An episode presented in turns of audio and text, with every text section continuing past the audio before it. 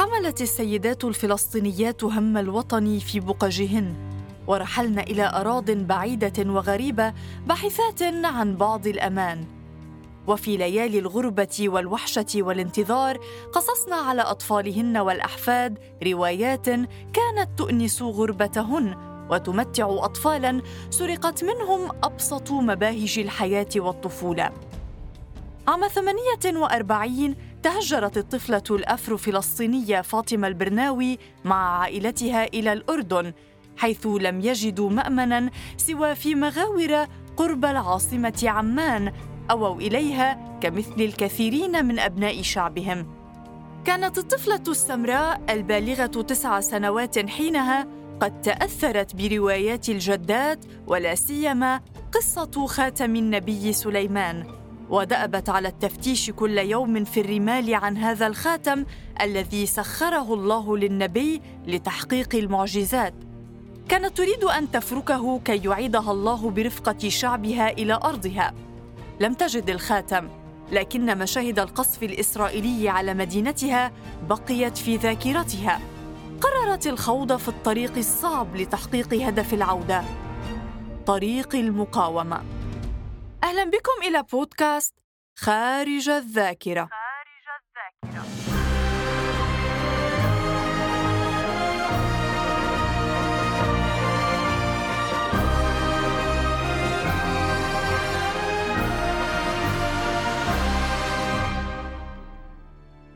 لم تحتمل فاطمة العيش طويلا خارج فلسطين فالوطن ليس أي أرض في العالم. في القدس ولدت فاطمة عام 39 وفي حارات القدس وشوارعها عاشت طفولتها وكانت هذه المدينة وطنها إلى أن أجبرت على الرحيل إلى الأردن إبان نكبة 48 والدها النيجيري محمد البرناوي اختار فلسطين وطنا له عندما غادر بلده الأفريقي لأداء فريضة الحج مثل الكثير من مسلمي أفريقيا في ذلك الزمن. فأكمل طريقه نحو القدس حيث تعرف إلى والدتها وتزوجها. والتحق ضمن لواء الحاج أمين الحسيني مفتي القدس المناضل. وضمن صفوفه حارب قوى الاستعمار البريطاني والعصابات الصهيونية في فلسطين. بعد النكبة عادت فاطمة إلى القدس التي أصبح نصفها بقبضة الاحتلال. هناك درست وعملت ممرضة. عام 57 سافرت ابنة الثمانية عشر عاماً إلى السعودية وعملت في مستشفى لبناني تولى إدارته القيادي في الحزب السوري القومي الاجتماعي عبد الله سعادة كان لأحاديث سعادة وزوجته عن فلسطين ونضال شعبها تأثير كبير في فاطمة.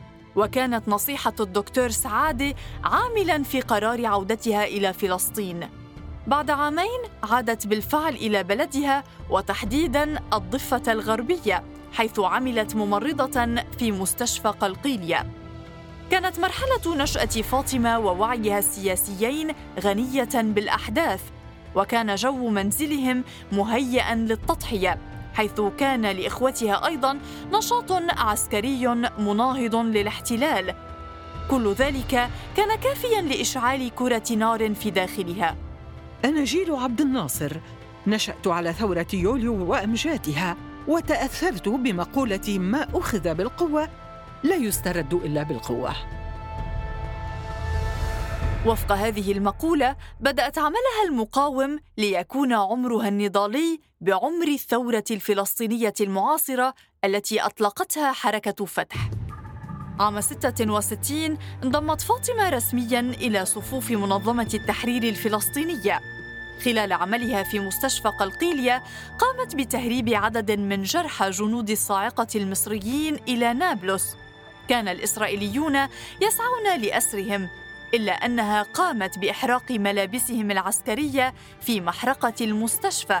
وزودتهم بثياب مدنية وكوفيات كي لا يستطيع الإسرائيليون تفريقهم عن غيرهم.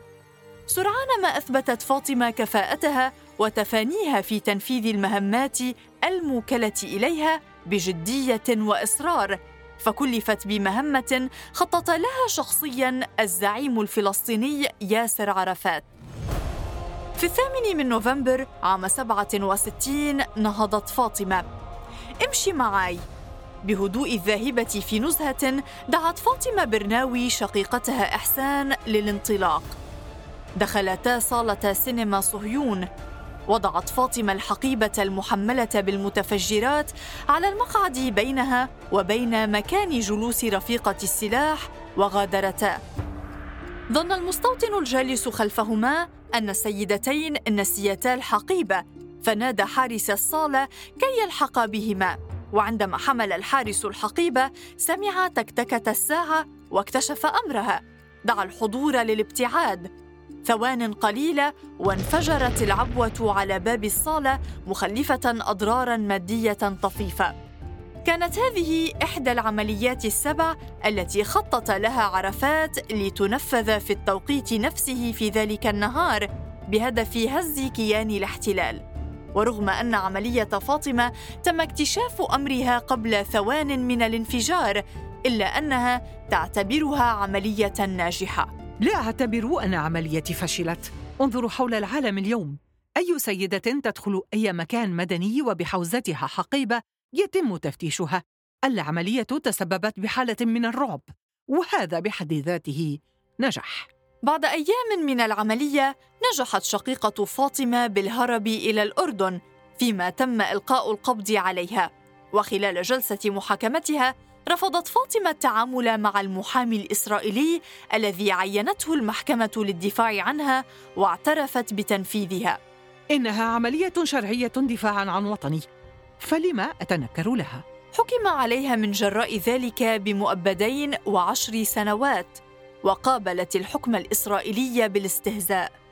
كانت أول أسيرة في سجون الاحتلال تنتمي إلى حركة فتح وكانت فلسطينية وحيدة بين ساجينات إسرائيليات مسجونات بجنايات وتهم مختلفة. وبعد عامين من أسرها بدأت أعداد الأسيرات الفلسطينيات تزداد. حكمت إسرائيل علي بهذا الحكم من أجل تخويف المرأة الفلسطينية كي لا تقدم على أي عمل نضالي ضدها. لكن سرعان ما وصلت تسع نساء معا إلى الأسر. وهذا أشعرني بفخر واعتزاز أن المرأة الفلسطينية استطاعت أن تكسر جميع القيود سواء كانت قيود أهلها أو مجتمعها وانطلقت بعمليات ضد الاحتلال.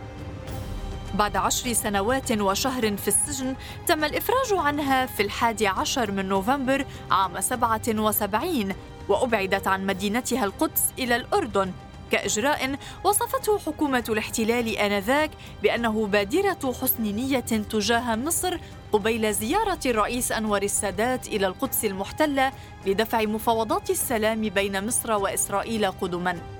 من الأردن سافرت فاطمة إلى بيروت حيث التحقت بصفوف الثورة الفلسطينية من جديد. وفيها تزوجت الأسير المحرر فوزي النمر أحد فدائيي المجموعة 800 بعد قيام السلطة الفلسطينية عادت فاطمة إلى غزة عام 1994 كلفها الرئيس عرفات تأسيس وقيادة جهاز الشرطة النسائية الذي قادته حتى تقاعدها عام 2005 برتبة لواء. وهي أعلى رتبة عسكرية بلغتها امرأة في السلطة الفلسطينية. خلال خدمتها تولت فاطمة العديد من المهمات التنظيمية، حيث كانت عضواً في المجلس الثوري لحركة فتح، وعضواً في المجلس العسكري الأعلى للثورة الفلسطينية، وعضواً في المجلس الوطني الفلسطيني. حملت فاطمة قضية شعبها الفلسطيني ومعاناته أينما حلت ولم يغادرها الأسر بعدما غادرته. فظل ذكر الأسيرات ونضالهن خلف القضبان حيا في أحاديثها. روت للعالم كيف أجبرنا على العمل خلال الأسر وخدمة الجنود الإسرائيليين حيث عملنا في التنظيف والكوي والغسيل وزرع الأرض وكانت هذه الأحب إلى قلبها لأنها كانت تعتبر أنها تزرع أرضها فلسطين. كما أنها تصحح فورا أي معلومة مغلوطة تعتبرها أول مناضلة أو أسيرة فلسطينية. وتحرص على ذكر أسماء سيدات سبقنها في المقاومة. منهن من استشهدن مثل نيفة عاقلة أو أسرن مثل إخلاص علي. انتمت فاطمة إلى المجتمع الأفرو فلسطيني كما يسمون أنفسهم أو الفلسطينيون الأفارقة. تعود جذورهم الفلسطينية إلى القرن الثاني عشر وهم أحفاد أفارقة بعضهم أتى للحج واستقر في القدس بعد زيارة الحرم القدسي أولى القبلتين الذي كان محجا كمكة قبل الاحتلال. والبعض الآخر ينتمي إلى أشخاص هاجروا إلى فلسطين من نيجيريا والسودان والسنغال وتشاد خصيصا لمقاومة الاستعمار الإنجليزي والصهيونية. ويبقى أن تثبت قصص المقاومين لنصرة فلسطين على مختلف مشاربهم أن قضية فلسطين ليست مرتبطة بقومية أو دين أو شعب معين إنما هي قضية حق وقضية إنسان. بودكاست خارج الذاكرة إعداد وتقديم سارة خازم إشراف بلال عبود إخراج حسين حجازي.